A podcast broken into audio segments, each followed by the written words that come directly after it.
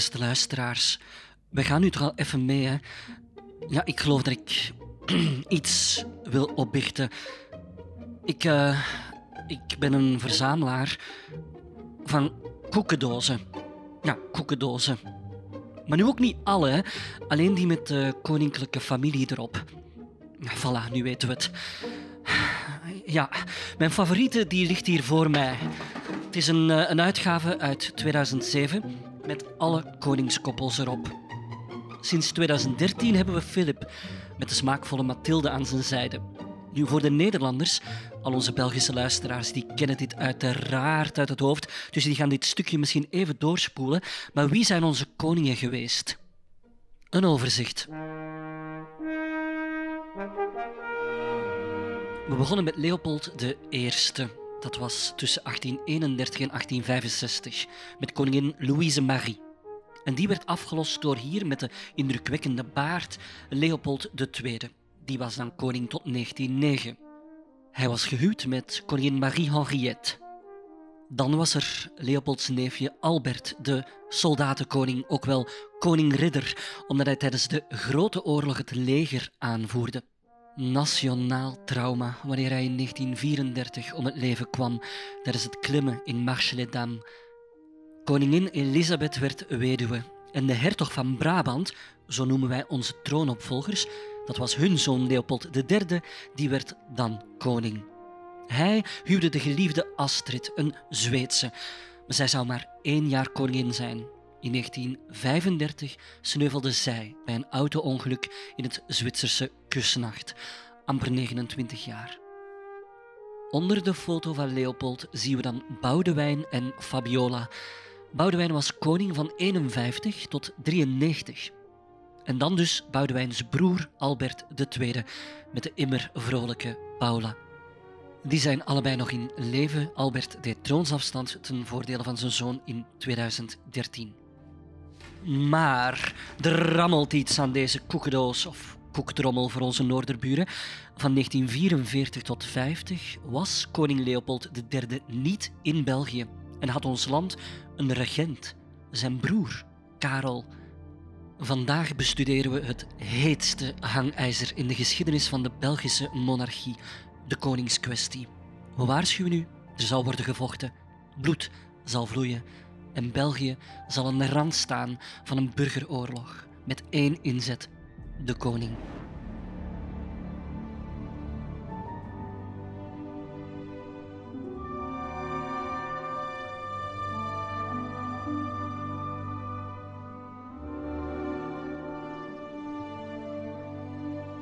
Met een kleine delegatie zijn we te gast in het kasteel van Wijnendalen in Torhout, te midden van een uitgestrekt bos en weilanden.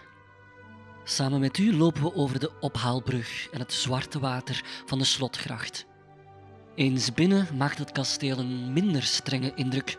Talrijke ramen kijken uit op de binnenplaats en mooi, we zien de eerste sneeuwvlokken van het jaar neerdwarrelen. Michiel, onze gids, weet alles over dit kasteel. Het is in de late 11e eeuw gebouwd voor de graven van Vlaanderen. Later werd het door de hertog van Bourgondië opgekocht. Dat was Jan zonder vrees. En in de eeuwen daarna is het dan uitgebreid tot een van de mooiste buitenverblijven in Vlaanderen. Lang geleden, in 1482, zo stel ik het me voor, moeten dienaren in allerijl over diezelfde brug een belangrijke gast naar binnen hebben gedragen. Wat was er gebeurd? Maria van Bourgondië, erfgename van onze streken, was tijdens de valkenjacht van haar paard gevallen. Ze was hier op bezoek, samen met haar man Maximiliaan van Oostenrijk. Een lichte verwonding aan de heup ging ontsteken en daags later overleed ze in Brugge. En hun kleinzoon, keizer Karel, was hier ook eens te gast. Je kan het echt voelen. Binnen deze muren is de toekomst van landen en dynastieën bepaald. Elk torentje, elke draaitrap, elke jachttrofee ademt geschiedenis uit. Jammer genoeg is het kasteel in de Napoleontische tijd helemaal herleid tot een hoop stenen met een gracht er rond. Intussen staan we op het balkon en de sneeuw stuift door de lucht. Dus ja, in de 19e eeuw werd de ruïne als een romantisch kasteel heropgebouwd door de familie Mathieu. Die bekleden hoge posten binnen de Belgische staat. Exact op dit balkon stond ooit in 1940 koning Leopold III. Een jonge weduwnaar die twee prinsjes en een prinsesje opvoedt. Hij draagt zijn uniform van opperbevelhebber. Zonder dat hij het merkt, legt koningin en moeder Elisabeth het moment vast op de gevoelige plaat. Zijn blik is naar boven gericht, hij kijkt ongerust. In plaats van de stille sneeuw suizen ronkende jachtvliegtuigen door de lucht.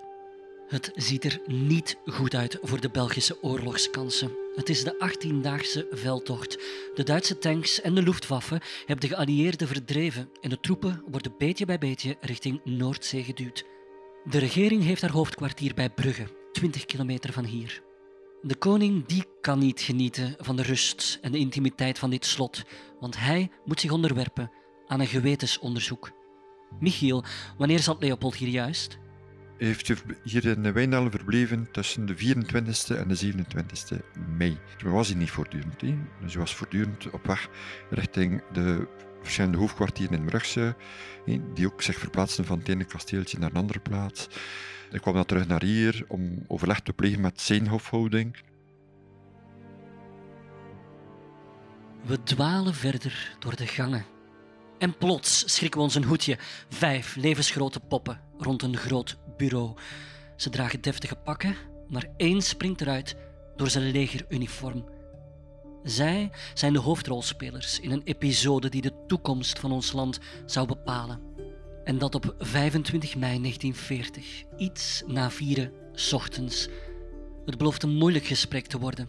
De koning heeft altijd op gespannen voet gestaan met zijn regeringen die zich in te snel tempo opvolgen. Hij heeft de reputatie om vooral naar raadgevers te luisteren die op zijn lijn staan en om zich nogal verheven te gedragen tegenover politici, gewone stervelingen dus.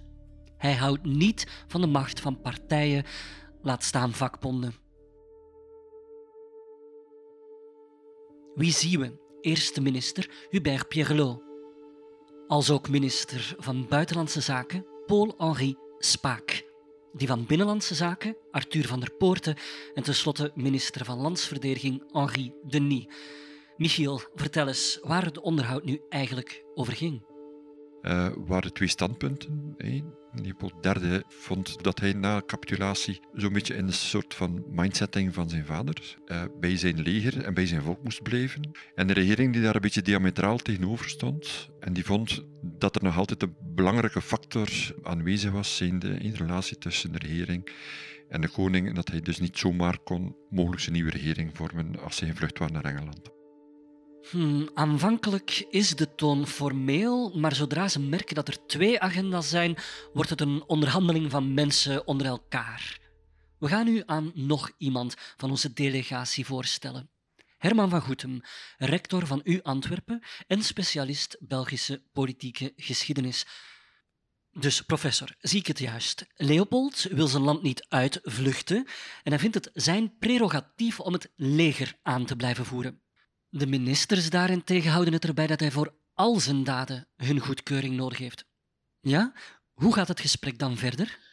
De koning zegt: Ik begrijp dat jullie een andere opinie hebt, dat jullie iets anders wil doen dan wat ik wil, want jullie denken dat er nog kan worden gewonnen vanuit Frankrijk. Goed, dan moet je naar daar gaan. Ga maar. Dat is geen constitutioneel antwoord, want eigenlijk moesten de ministers hun ontslag aanbieden. Maar goed, hij zegt: Ga maar. De ministers die zeggen, wij, wij hebben uw toestemming niet nodig om te gaan. Wij gaan. Want jij gaat ook een verrader worden. Want je bent een defetist. Je gelooft niet dat we kunnen winnen vanuit Frankrijk. En de ministers gaan dus weg. Maar Pierrelot zet nog de puntjes op de i.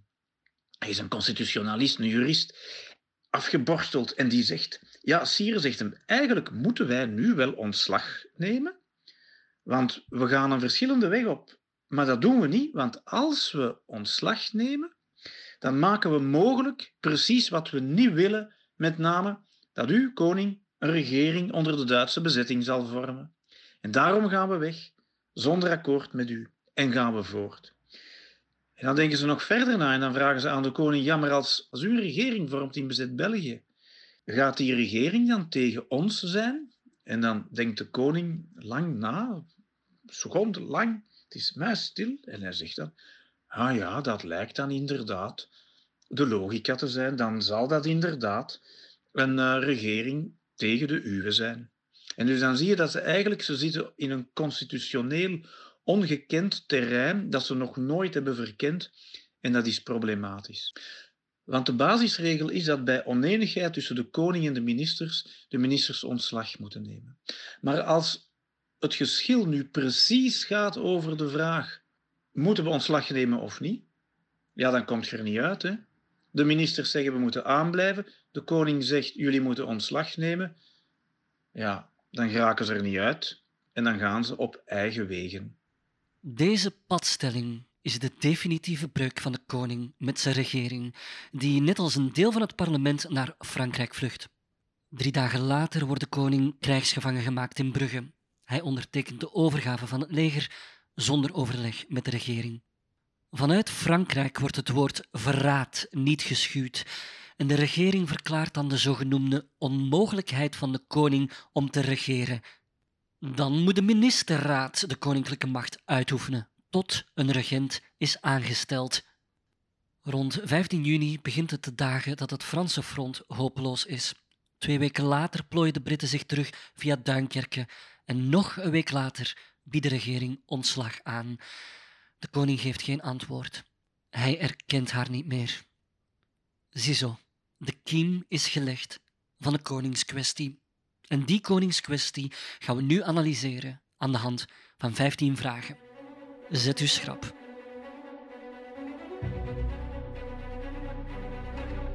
Om te beginnen, welke houding neemt de koning aan tijdens de bezetting? Wel, hij zit ze uit als krijgsgevangene in het kasteel van Laken, terwijl andere staatshoofden in ballingschap gaan, zoals koning Hakon, groothertogin Charlotte of koningin Wilhelmina. Hij onderhoudt geen contact met de regering die intussen ook in Londen zit. Hitler ergert zich aan het feit dat hij audiënties blijft houden en daarom beperkt hij Leopolds bewegingsvrijheid. In november 1940 escaleert de afkeurende houding vanuit het buitenland wanneer Leopold een bezoek brengt aan de Führer, nota bene in diens buitenverblijf in Berchtesgaden. In feite levert het bezoek hem weinig op, zowel voor zijn eigen rol als voor de voedselbevoorrading of de Belgische krijgsgevangenen.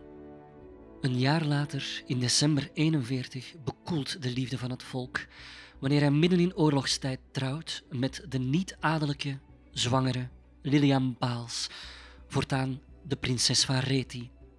En blijkbaar had kardinaal van Roei in het geheim al een kerkelijk huwelijk voltrokken, wat volgens de grondwet niet mag.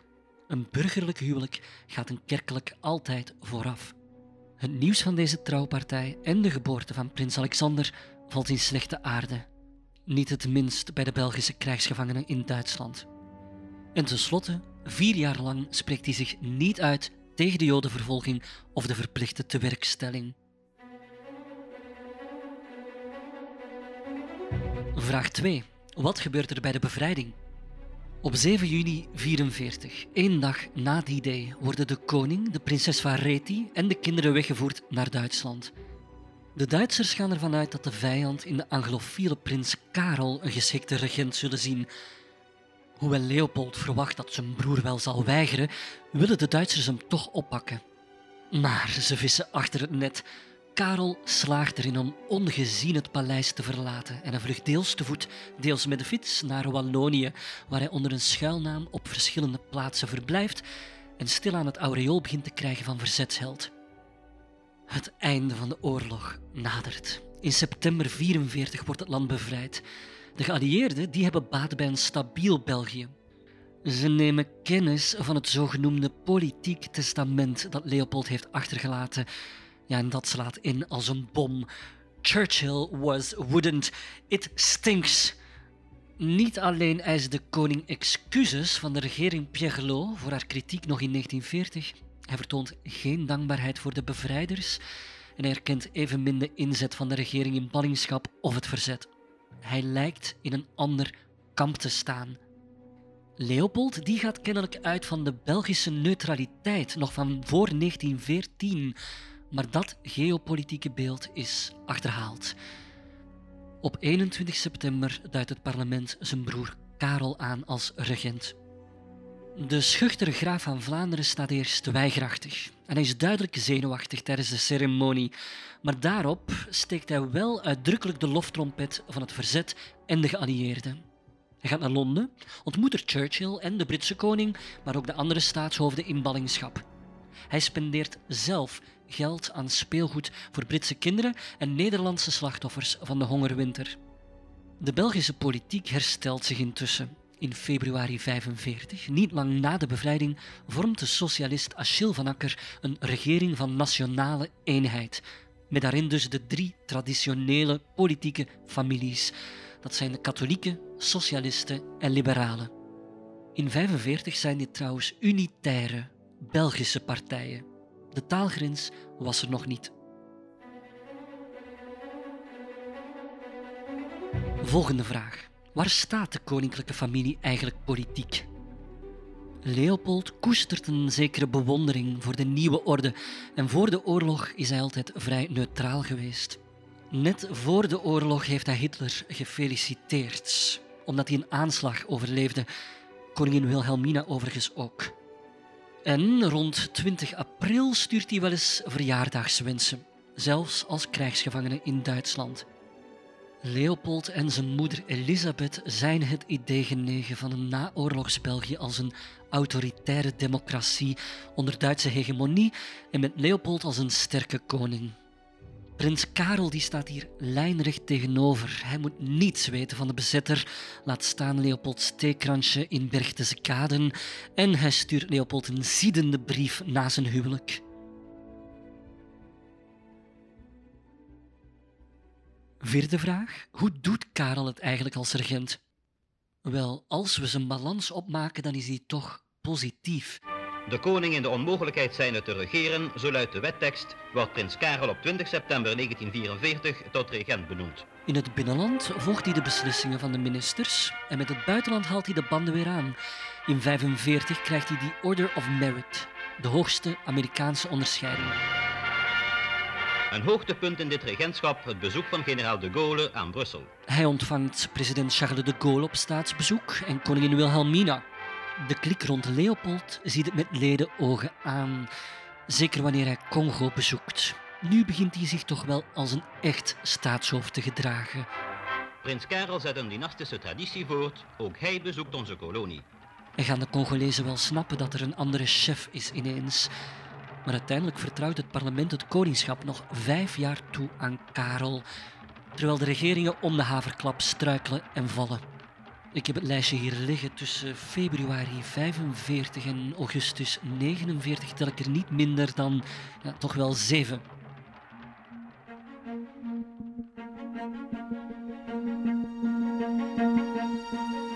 En dat brengt ons bij vraag 5. Wat maakt het Belgische politieke klimaat dan zo chaotisch? Vanaf de bevrijding heeft de Belgische staat eigenlijk twee katten te geestelen. Een eerste is de staatsrepressie, dat is de bestraffing van collaboratie. Was die tijdens de Eerste Wereldoorlog nog bescheiden, tijdens de Tweede is er in Vlaanderen en Wallonië massaal gecollaboreerd. Er worden 400.000 dossiers aangelegd en 40.000 Belgen effectief veroordeeld. Het is dan dat tegenstrijdige collectieve herinneringen vorm gaan krijgen. De mythe van een wit Wallonië en een zwart Vlaanderen. In flamingante kringen is er veel verbittering over de bestraffing. Die wordt ervaren als disproportioneel, anti-Vlaams, door een onrechtvaardig België, al zouden Franstalige rechters de Vlaamse beweging willen doodknijpen. Een beeld trouwens dat al lang onderuit is gehaald.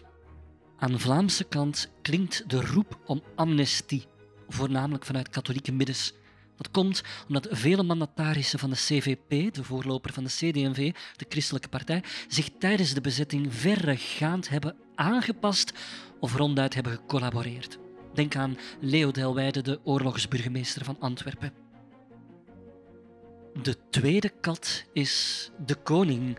In mei 45 wordt die bevrijd bij Salzburg in Oostenrijk en de familie vestigt zich dan in Pregny, Zwitserland, in afwachting tot de terugkeer.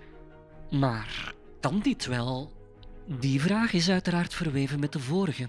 Omdat de koning zelf zijn vingers heeft verbrand tijdens de bezetting, hopen mensen die in hetzelfde schuitje zitten dat de repressie zal verzachten. Maar communisten, socialisten en deels ook liberalen eisen troonsafstand. En het is hier dat de koningskwestie begint.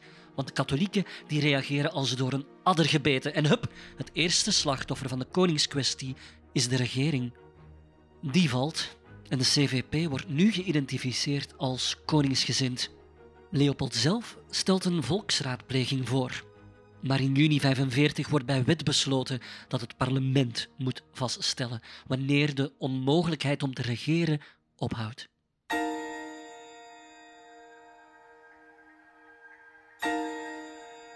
Zesde vraag.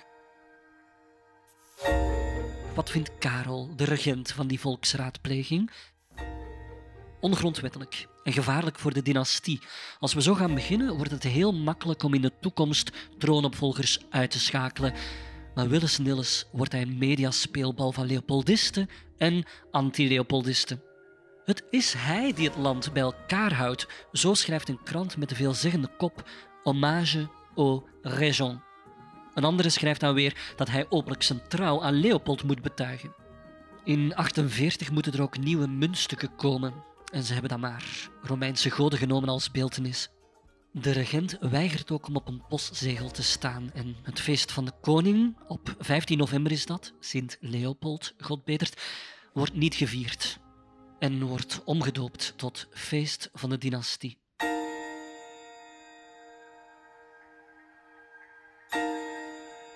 Zevende vraag. Hoe komt de volksraadpleging er nu? In 1949 worden nog maar eens verkiezingen gehouden. Trouwens de eerste met vrouwenstemrecht in ons land. Met als resultaat een eclatante overwinning voor de CVP, maar net geen absolute meerderheid in de Kamer. De katholiek Gaston IJskes vormt een regering met liberalen. Met die socialisten valt toch niet meer te praten. En die volksraadpleging die wordt doorgedrukt. Hoe ziet het Belgische volk eruit dat wordt geraadpleegd? Onze achtste vraag. Wie staat tegenover wie? Een beetje theorie. Voor 1960 onderscheiden we doorgaans drie grote breuklijnen in ons land. De eerste is de levensbeschouwelijke breuklijn. De Belgische bevolking viel uit elkaar in drie zuilen. Enerzijds een katholieke, een confessionele zuil, anderzijds twee vrijzinnige zuilen, namelijk de liberale en socialistische. Die zuilen, steunpilaren zeg maar, die waren een soort ideologische mini-maatschappijen. Die niet alleen je stemgedrag bepaalden, maar ook je keuze voor een ziekenfonds, de jeugdbeweging, zelfs de voetbalclub, dagbladen, school en wat iets meer zei, van de wieg tot het graf. De tweede breuklijn die door ons land liep was de sociaal-economische, tussen arbeid en kapitaal, zeg maar arm en rijk.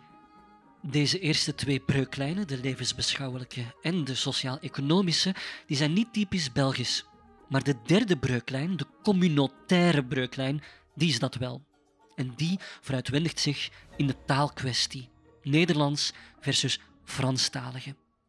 De zogenoemde taalstrijd in Vlaanderen is verweven met de collaboratiegeschiedenis en het is ook een sociale strijd, want Frans is lang de enige bestuurs- en elitetaal geweest.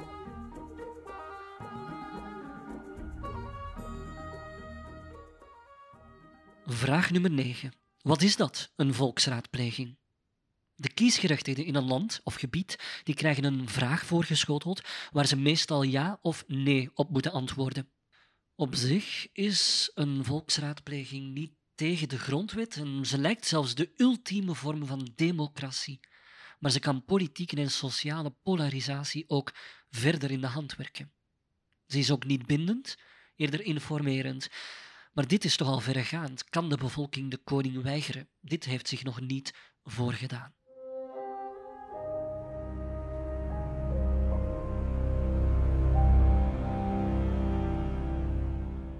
De tiende vraag. Het begint vlug te gaan. Welke vraag wordt nu eigenlijk gesteld op het formulier? Eens horen. Zijt u de mening toegedaan dat koning Leopold III de uitoefening van zijn grondwettelijke machten zou hernemen? Heel simpel, ja of nee. Hier wilden we trouwens de titel van onze aflevering van maken, maar we dachten dan dat er niemand zou luisteren.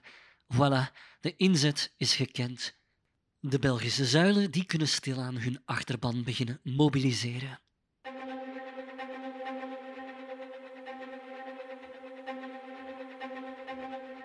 Laten we samen ons land doorkruisen. We beginnen in de hoofdstad, waar de kieskoorts overal voelbaar is. Affiches, pancartes en spandoeken smijten ons niet mis te verstaande slogans in het gezicht. Ja of nee, er is geen nuance meer. Ah, hier hebben de socialisten toegeslagen. Ik lees. Leopold III de troon op en de Frank de berg af. Witte achtergrond, zwarte letters. En de laatste twee woorden die gaan in een soort crescendo naar koeien van letters. Stemt nee. De economische crisis dreigt opnieuw, zeggen ze. Op naar het jubelpark dan. En dat is ingepalmd door de katholieken. Onder de Saint-Cantenaire lezen we op een spandoek Vive le roi. Vlug naar de Heizel, net buiten het stadscentrum, want daar vindt een gigantische Leopold-meeting plaats. Een kolossaal portret van Leopold wordt onthuld. Het bijna sacrale aura dat de beeltenis omgeeft, bezweert de massa. Men geeft toe, dit begint hier toch de trekken te krijgen van een personencultus. En er vindt hier ook nog een massale tegenbetoging plaats. Manifestanten met een gigantische beeltenis van de regent, prins Karel. Hola op de Meer in Antwerpen trekt zich intussen een grote optocht op gang. Fanfares en betogers lopen netjes achter elkaar. Daar een contingent Westmallenaren uit de Kempen marcheert met opgeheven hoofd met de slogan Westmalle brengt hulde aan zijn vorst. Hij die zijn volk bijstond in de slechte dagen. Ik heb trouwens zelf in Westmalle school gelopen en ik kan u verzekeren, katholiek zijn ze daar. In het al even katholieke Merksplas rolt met de bevrijdingsfeesten een praalwagen door het dorp, getrokken door paarden. Iedereen op de kar zit in zijn zondagspak voor een grote tekening van Leopold. Verander de koning door Mariabeeld. Je zit in een processie. Oké, op naar de andere kant van het land. Wallon, rappelez Léopold III, c'est nier la démocratie, c'est insulter la résistance, c'est trahir la Wallonie. Votez non. In Luik of Charleroi staat ja gelijk aan volksverraad. Vandaag hoor je wel eens zeggen: het politiek debat is verruwd. Dat kan allemaal wel zijn, maar in ons tijdperk van wokeness staar je zelfs als historicus met grote ogen naar de politieke propaganda uit de oude doos. Hier, een poster waarop Leopold Hitler de hand schudt, met een swastika erachter. En daaronder Berchtesgaden, 16 novembre 1940. Als de socialisten de grote politiek bovenhalen, dan de katholieken ook. We zijn opnieuw in Vlaanderen en op deze poster klauwt Stalin naar een verscheurd België. Handen af van de kroon, tegen het communisme. Stemt ja voor de koning. Of deze variatie op het gekende CVP-thema. Eerst zonder vorst, dan zonder God, onteinde met Stalins gebod. Oh, dit is interessant. Wij stemmen nee. Met daarbij een foto van wijle koningin Astrid. Majesteit, u blijft onze koningin. Uw zoon is onze koning. De poster is omzoomd met de Belgische driekleur. Niet anti-royalistisch dus, wel anti-Leopold. Hij is niet de ware koning. Maar wellicht een soort vader dan, die in moeilijke tijden bij zijn kinderen bleef? Volgens deze reusachtige foto van Leopold met keppie, die we wel vaker zien opduiken in massademonstraties. In koeien van letters. Moest de koning bij zijn volk blijven? Ja. Elders lezen we De koning bleef. De rest is laster.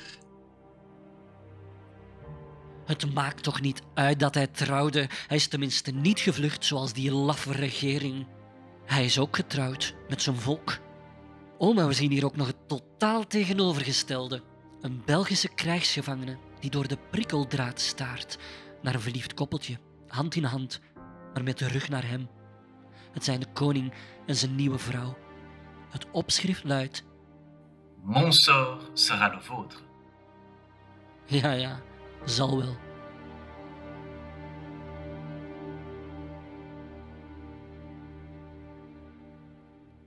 Goed. We hebben nu het land doorkruist en dat brengt ons bij vraag 11. Wat is de publieke opinie? Voorstanders van Leopold vinden we bij de katholieken, maar ook het katholiek onderwijs, de Universiteit van Leuven of verenigingen zoals de Boerenbond springen op de kar en zelfs sommige industriële steunen de acties, zoals Gevaart, die delen gratis pelliculen uit van de optochten. Zijn ook pro-Leopold Belgicisten en uiterst rechtse groepen die openlijk hebben gecollaboreerd. Zeg maar ex-VNV'ers of oud-rexisten. Zij zien helemaal geen graten in Leopolds houding tijdens de oorlog, omdat die er volgens hen toe heeft geleid dat België zo onder een mild militair bestuur kwam en de bevolking goed werd behandeld. Hij kon geen standpunt innemen door zijn belemmerde bewegingsvrijheid. En zijn huwelijk? Et alors? Dat is een persoonlijke affaire. En plus, Lilian nam niet de titel van koningin aan. De tegenstanders die vormen een even bonte verzameling. Ex-verzetsleden, socialisten, communisten en in grote mate ook liberalen. Alle natuurlijke vijanden van het fascisme en het nazisme. Vanuit socialistische vakbondsmiddens in Wallonië, waar het verval van de oude industrie stilaan is ingezet, klinken stemmen die waarschuwen voor een Vlaamse klerikale dictatuur van de meerderheid. Dit leek een volksraadpleging te worden voor of tegen een persoon, maar er wordt duidelijk dat de koningskwestie veel diepere sociale angsten kanaliseert.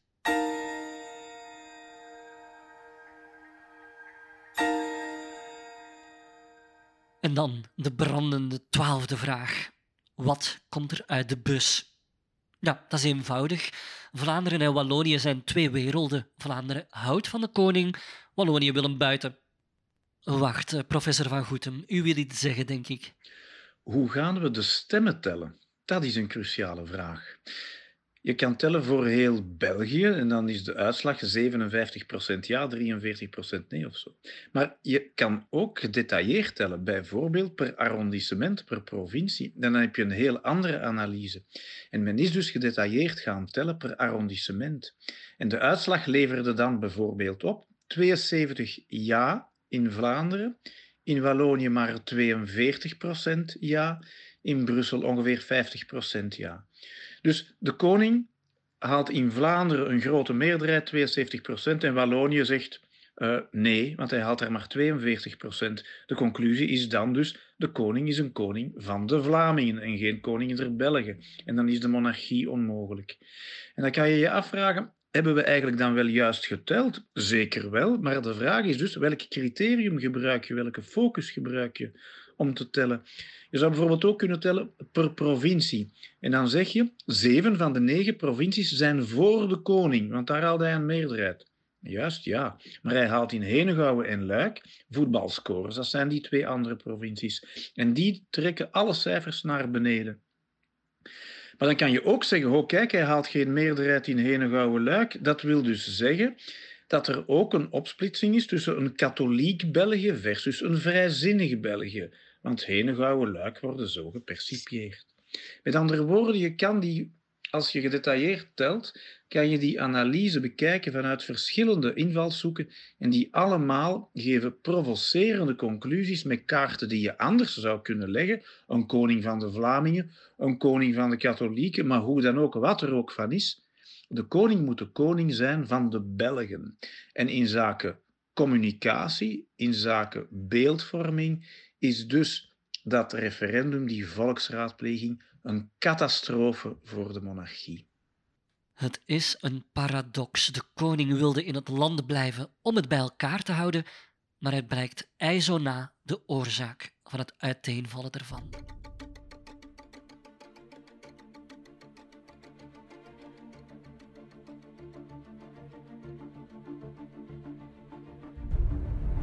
Vraag 13. Wat doen ze met de uitslag? De Leopoldisten roepen prompt de overwinning uit.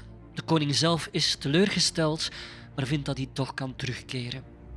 Maar dat is zonder de socialisten en liberalen gerekend. Hij heeft niet de meerderheid in beide landsdelen. En dan barst het pandemonium uit.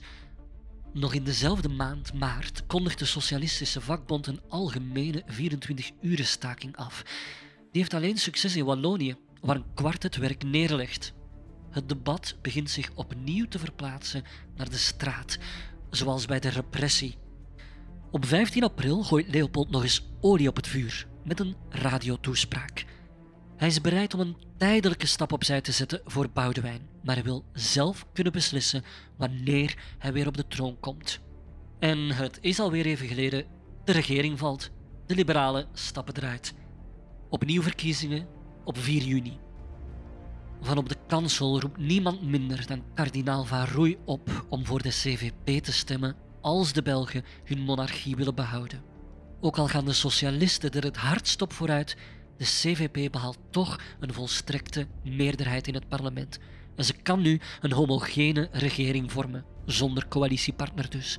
Geleid door Jean Duvieusard. In juli heft de democratische meerderheid van het parlement de onmogelijkheid tot regeren op. Nog één keer vieren de Belgen een nationale feestdag zonder koning. We gaan naar militair défilé aan het paleis. Het gebruikelijk défilé van 21 juli trekt door de straten van Brussel. In de koninklijke tribune hebben plaatsgenomen de grootmaarschalk van het koninklijk hof, prins Amaury de Merode, generaal Baal, hoofd van de legerstaf en generaal Piron, hoofd van het bezettingsleger in Duitsland.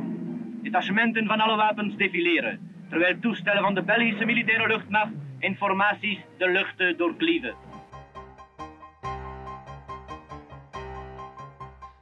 Goed, we stappen samen van het Koninklijk Paleis naar het kasteel van Laken. Dat is ongeveer anderhalf uur stappen. Terwijl we ons de veertiende vraag stellen: staat ons land nu op springen? Op 22 juli landt Leopold. Hij wordt naar Laken gebracht, maar onderweg, als hij uit het raam kijkt, kan hij niet anders dan de politiemacht zien die het traject bewaakt. Ze zijn voorbereid. De katholieken, Leopold gezind uiteraard, verwoorden het als volgt. De oppositie kan het niet verkroppen. Ze neemt bezit van de straat. Demagogen hitsen de massa op. Ze roepen de politieke staking uit. Op democratische wijze verslagen grijpen ze naar geweld, naar revolutionaire methodes. Aanslagen, gewelddaden, opstootjes volgen elkaar op. Want niets ontzien zij om hun doel te bereiken. Niets. De sfeer in de hoofdstad is alleszins te snijden. Prinses Liliane en Josephine Charlotte blijven voor de zekerheid nog even in Zwitserland. De volgende dagen zijn een heet begin van de zomer. Anderendaags wordt het tramverkeer in grote mate stilgelegd in de hoofdstad. De rijtuigen die de dienst willen verzekeren, worden door de betogers opgehouden en hier en daar ontstaan relletjes. Er zijn bloedige confrontaties, hoogoplopende discussies, straatgevechten. In Wallonië breekt een nieuwe stakingsgolf uit. Paul-Henri Spaak kent u hem nog van in Wijnendalen en enkele andere socialisten die zweren zelfs een anti-Leopold-eed. In Vlaanderen roept Achille van Akker dan weer de socialisten op tot verzet. Een land wordt opgeschrikt door, een, door, door bomaanslagen op spoorwegen en op hoogspanningsmasten. Stakingen zijn nu over het ganse land uitgebroken en het publiek wordt steeds woeliger. Ook te Brussel komt geen verbetering. En onophoudend breken relletjes uit. Pas toch op, de, de betogers gooien met kasseien die ze uit de grond hebben getrokken. Maar oh, ook meubels, zelfs fietsen vliegen in het rond. De bereden politie rukt uit. De betogers hergroeperen zich. Ginder wordt een chauffeur uit zijn tram gesleurd. En ze, ze dreigen winkeliers af. Uw deuren sluiten of draag de gevolgen. Er vallen raken klappen. Er wordt geduwd, getrokken. Mensen gaan onderuit. En zelfs paarden schuiven uit op metalen knikkers. Ik heb gehoord dat een groot deel van de Belgische ambtenaren het werk heeft neergelegd. Ja, het land staat werkelijk op de rand van de afgrond. En ook de Leopoldisten laten van zich horen. Katholieke tegenbetogingen en socialistische tegen-tegenbetogingen, waar ze de Hitlergroet naar die katholieken doen. Aan het kasteel van Laken rukken ontelbare bossen bloemen aan. En daar komt het ook tot rellen tussen socialisten en een bus koningsgezinde Gentenaren. En dan gebeurt het. Op 30 juli 1951, tijdens een manifestatie van honderden anti-Leopoldisten bij Luik, schiet de Rijkswacht met scherp. De koningskwestie eist vier mensenlevens. De socialistische beweging is hier rauw. Uit alle hoeken van het land, uit Wallonië, uit Vlaanderen, uit Brussel zijn tienduizenden kameraden samengestroomd om deze laatste droeve plicht te vervullen. Gevallen onder de kogels van de Leopoldistische beteugeling. Het is het afscheid aan drie kameraden die vielen voor de vrijheid. Eén dag later steekt Arthur Gailly, een van de vurigste opposanten van Leopold en een haast mythische figuur in de Waalse arbeidersbeweging, een vlammende speech af. Van op het balkon van het volkshuis in Charleroi heeft hij het zelfs over een onafhankelijk Wallonië als het moet. De situatie dreigt volledig uit de hand te lopen wanneer een mars op Brussel wordt aangekondigd, waarbij een bestorming van Laken niet wordt uitgesloten. Het lijkt alsof de hele monarchie wankelt en niet alleen de persoon van Leopold III.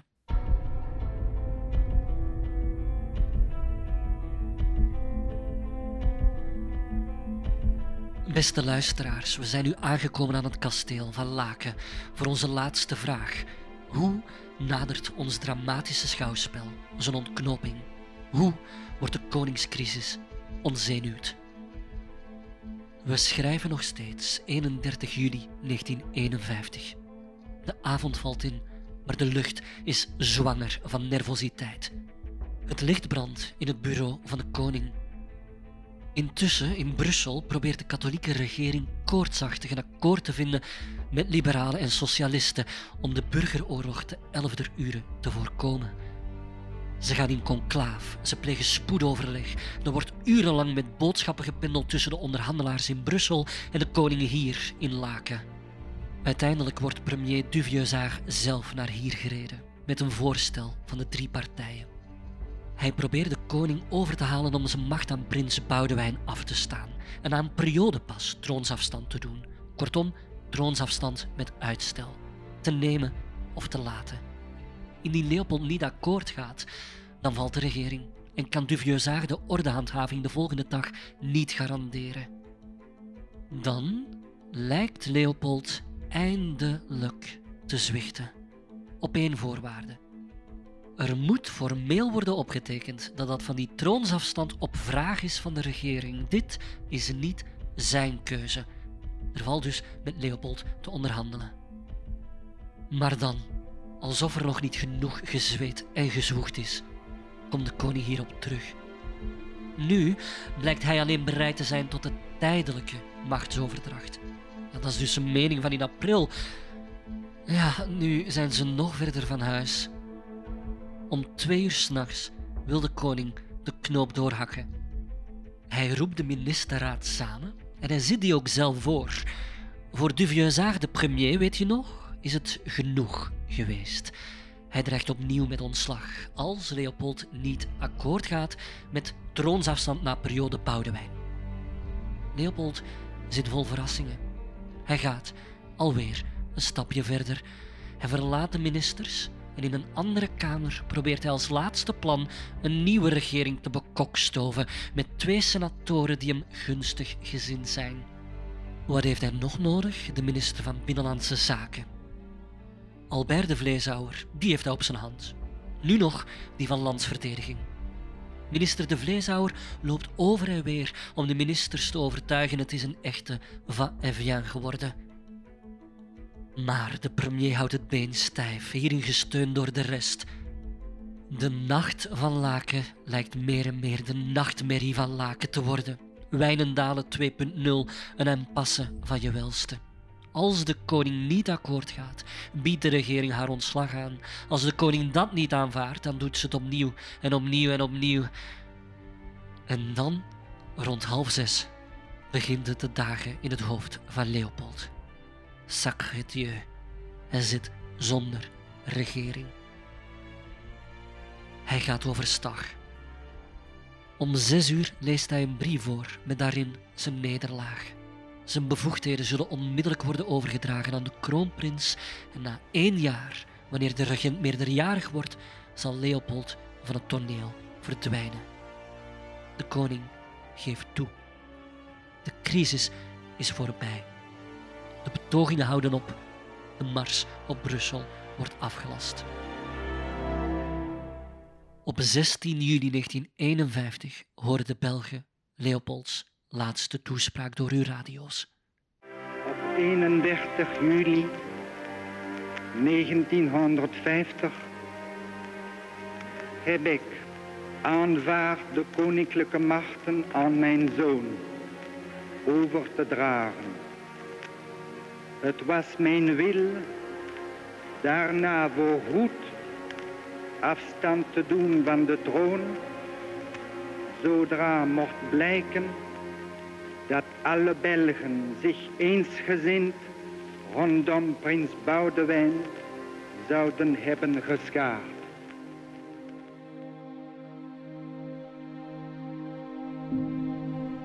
Vive la Belgique, leven België. Zo klonk het nog in Vlaamse dorpen en steden in beide talen met de bevrijding. In zowat heel Europa had de oorlog een nationale verbindende kracht, waardoor de koningskwestie niet in België. In Grasberleur bij Luik staat nog steeds een gedenksteen voor die vier dodelijke slachtoffers, gevallen pour sauvegarder les droits du peuple. De democratie stond op het spel. In katholieke kringen leefde het omgekeerde idee dat een socialistische as van Luik tot Charleroi de democratie had neergehaald. De wonden van de repressie en de koningskwestie etterden verder en de Vlaamse beweging zou nog lang deze wrok koesteren. Michiel herinnert zich hoe bij de bezoekers in Wijnendalen de emoties hoog konden oplopen in de Leopoldzaal. Zowel ik als uh, heel pak van onze hitsen hebben hier uh, zeer emotionele tafereel meegemaakt. En pakweg tussen 84, 85 en dan diep in de jaren 90, waar soms mensen gewoon stonden te huilen, die nog verwezen eigenlijk naar, uh, naar heel die strijd. We hebben hier ook um, discussies meegemaakt. Het was niet alleen uh, een traan die geplankt werd, maar uh, ja, dat is toch iets waar jongere generaties weinig weet van hebben, maar die toch wel littekens geslegen hebben in, in, die, in die bevolkingsgroepen.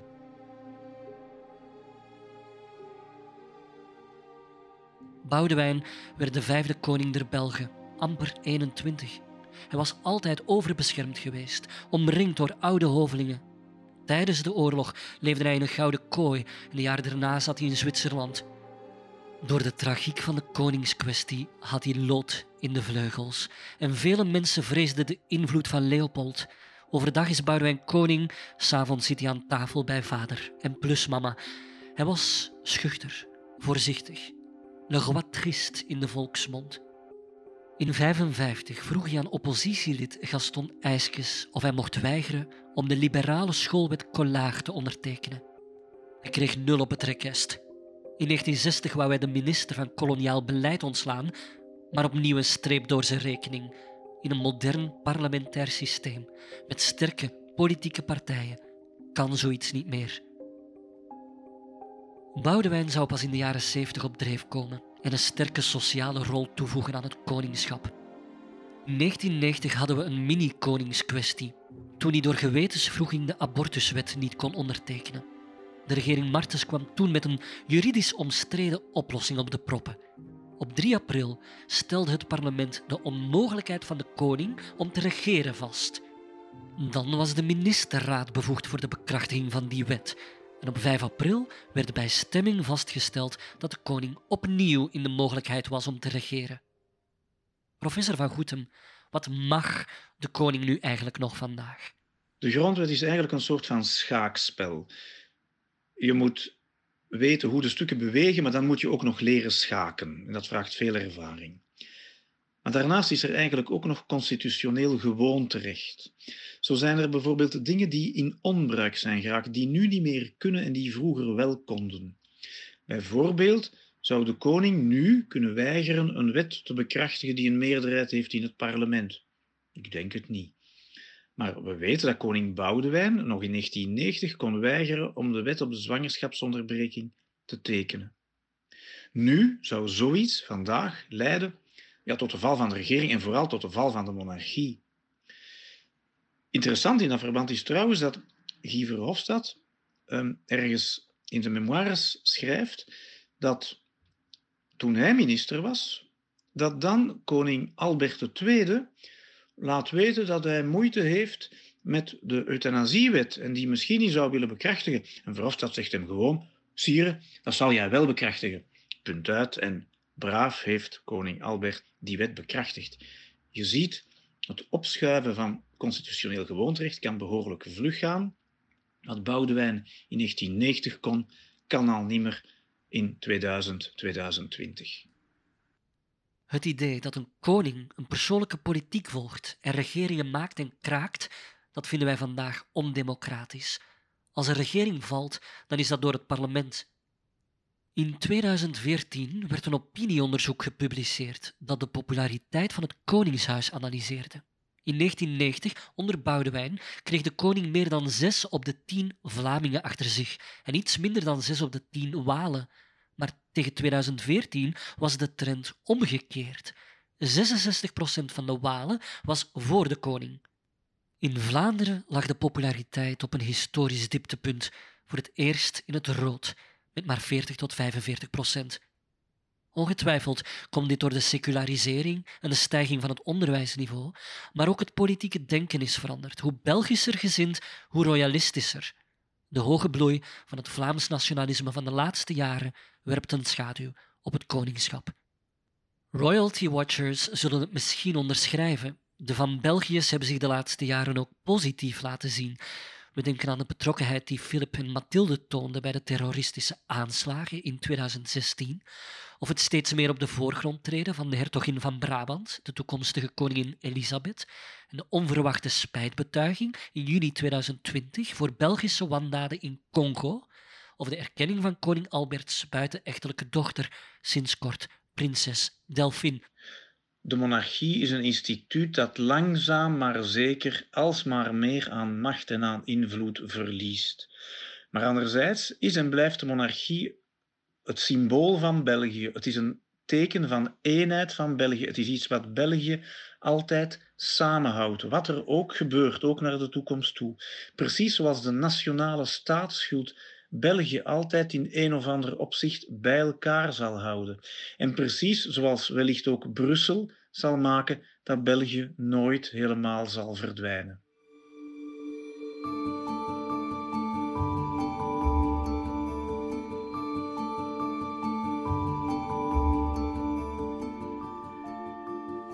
Nog één allerlaatste, superkorte vraag.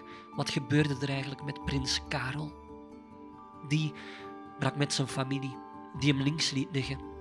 Hij leefde teruggetrokken en hij kwam alleen nog in het nieuws als excentrieke schilder met vele maîtresses en even zoveel geldproblemen. Tussen Karel en Leopold kwam het nooit meer goed. In 1982, niet lang voor ze allebei overleden, stuurde Leopold zijn broer een brief vol verwijten. Door je houding tegenover mij, aan het land, de dynastie, de familie. Hun beidermoeder, koningin Elisabeth, zou Karel nooit vergeven, omdat zij niet was aangesteld als regentes. Wanneer zij stierf, was Karel niet aanwezig op haar begrafenis, maar dat had ze op voorhand ook gevraagd. In elk geval wordt Karels rol geweldig onderschat. Hij heeft de monarchie verzoend met de democratie. Hij verdient het om door ons herinnerd te worden. En misschien beeldt een bekend Belgisch koekjesmerk hem ooit af op een koekjestrommel. Pas dan is mijn collectie compleet.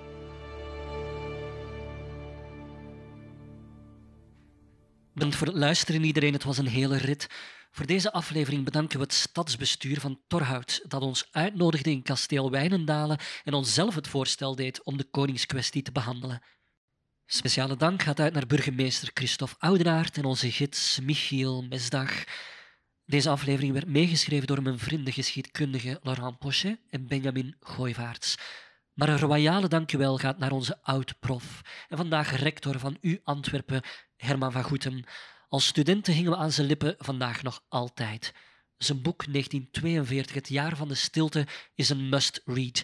Het biedt inzicht in de collaboratie van het Antwerpse stadsbestuur en politiediensten tijdens de Duitse bezetting. Deze aflevering werd gemonteerd door Philip Vekemans. Mijn naam is Jonas Goosenaerts. Vergeet ons niet te volgen op Facebook en Instagram. Tot de volgende keer. De laatste woorden die ik als koning der Belgen wens uit te spreken, zullen er met kracht op wijzen dat de toekomst van het vaderland afhangt van uw nationale solidariteit. Ik bezweer u vereend te blijven. God bescherme België en onze Congo.